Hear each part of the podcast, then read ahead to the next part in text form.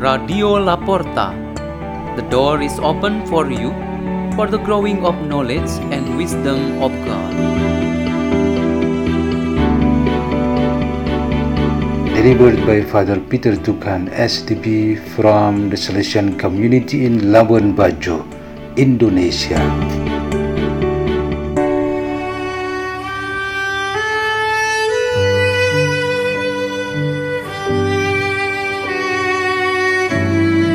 Reading and meditation on the Word of God on Thursday of the third week of Easter, May 5th, 2022.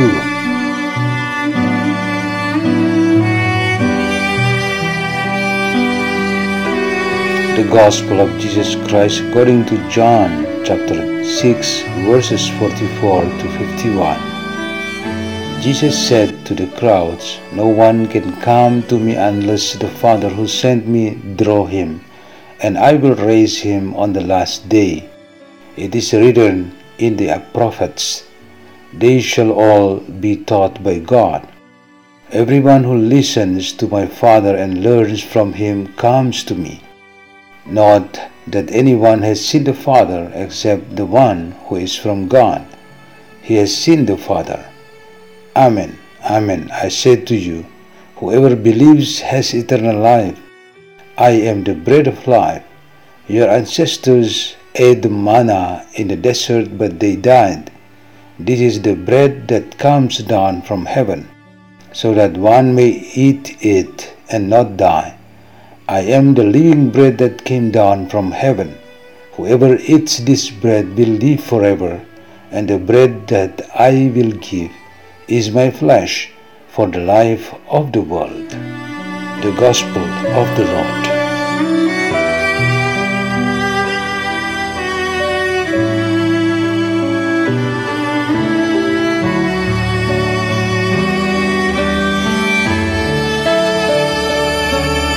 The theme for our meditation today is the sweet bread of the Lord. The teaching of Jesus on the bread of life is expressed profoundly in the Gospel of John. It is elaborated in a large portion and also has deep theological values. In essence, Jesus Christ is the source of goodness and salvation for our lives, both in the world and in the eternal life. There was a sweet and pretty faced girl of 14 years old in the village who sold sweet bread door to door. Her voice sounded very familiar when she said, Sweet bread, as she did it every day.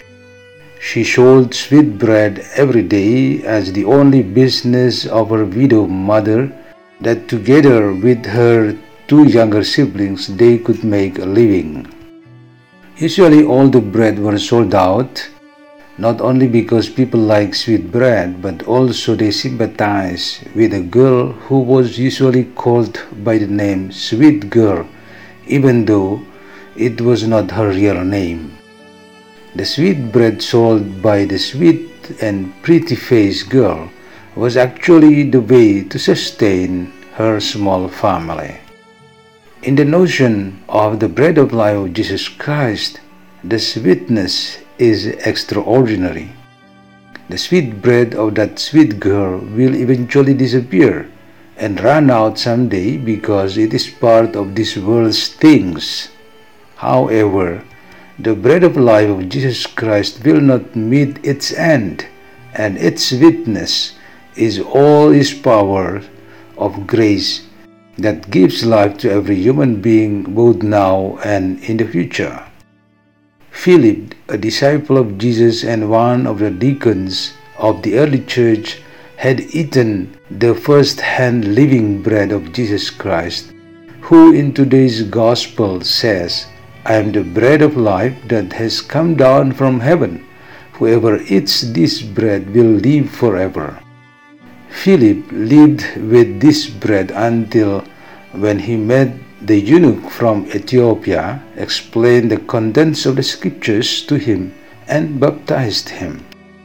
Philip moved from Jesus Christ to the streets edges and corners of life by bringing the grace of the bread of life of Jesus Christ.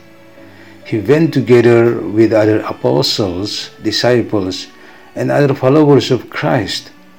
The Ethiopian eunuch moved from the outskirts or corner of life to get to the bread of life, Jesus Christ Himself. Many other people, maybe around you, are moving also towards the center, our Lord Jesus Christ. It is wonderful that when they are going to Jesus, they meet Jesus Christ in us. They no longer need to look for other forms or types of bread, but only the bread of life, the Lord Jesus Christ. Let's pray. In the name of the Father, and of the Son, and of the Holy Spirit, Amen. Lord Jesus Christ, make us sweet and wonderful bread, because you live in us, and we will bring it wherever we go, so that our neighbor can come to you through us. Hail Mary, full of grace, the Lord is with thee. Blessed art thou among women, and blessed is the fruit of thy womb, Jesus. Holy Mary, Mother of God, pray for us sinners now and at the hour of our death. Amen.